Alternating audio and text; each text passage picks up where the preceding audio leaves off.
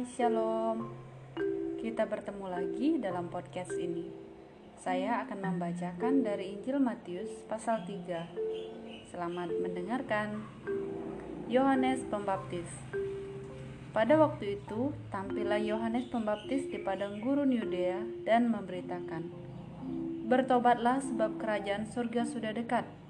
Sesungguhnya dialah yang dimaksudkan Nabi Yesaya ketika ia berkata, ada suara orang yang berseru-seru di padang gurun, "Persiapkanlah jalan untuk Tuhan, luruskanlah jalan baginya." Yohanes memakai jubah bulu unta dan ikat pinggang kulit, dan makanannya belalang dan madu hutan. Maka datanglah kepadanya penduduk dari Yerusalem, dari seluruh Yudea, dan dari seluruh daerah sekitar Yordan.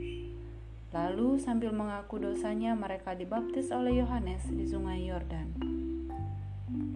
Tetapi waktu ia melihat banyak orang Farisi dan orang Saduki datang untuk dibaptis, berkatalah ia kepada mereka, "Hai kamu keturunan ular beludak, siapakah yang mengatakan kepada kamu bahwa kamu dapat melarikan diri dari murka yang akan datang?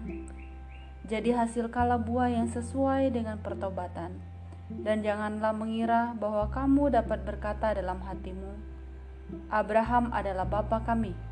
Karena aku berkata kepadamu, Allah dapat menjadikan anak-anak bagi Abraham dari batu-batu ini. Kapak sudah tersedia pada akar pohon, dan setiap pohon yang tidak menghasilkan buah yang baik pasti ditebang dan dibuang ke dalam api. Aku membaptis kamu dengan air sebagai tanda pertobatan, tetapi Ia yang datang kemudian daripadaku lebih berkuasa daripadaku dan aku tidak layak melepaskan kasutnya. Ia akan membaptiskan kamu dengan roh kudus dan dengan api.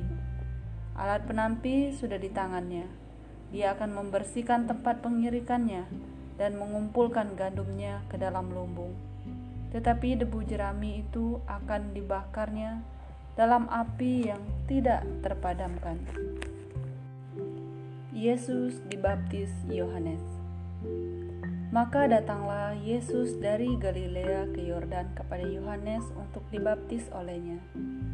Tetapi Yohanes mencegah dia, katanya, "Akulah yang perlu dibaptis olehmu, dan engkau yang datang kepadaku?"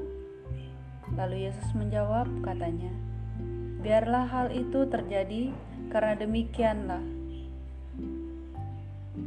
sepatutnya kita menggenapkan seluruh kehendak Allah." Dan Yohanes pun menurutinya. Sesudah dibaptis, Yesus segera keluar dari air, dan pada waktu itu juga langit terbuka dan ia melihat roh Allah seperti burung merpati turun ke atasnya. Lalu terdengarlah suara dari surga yang mengatakan, Inilah anakku yang kukasihi, kepadanya lah aku berkenan.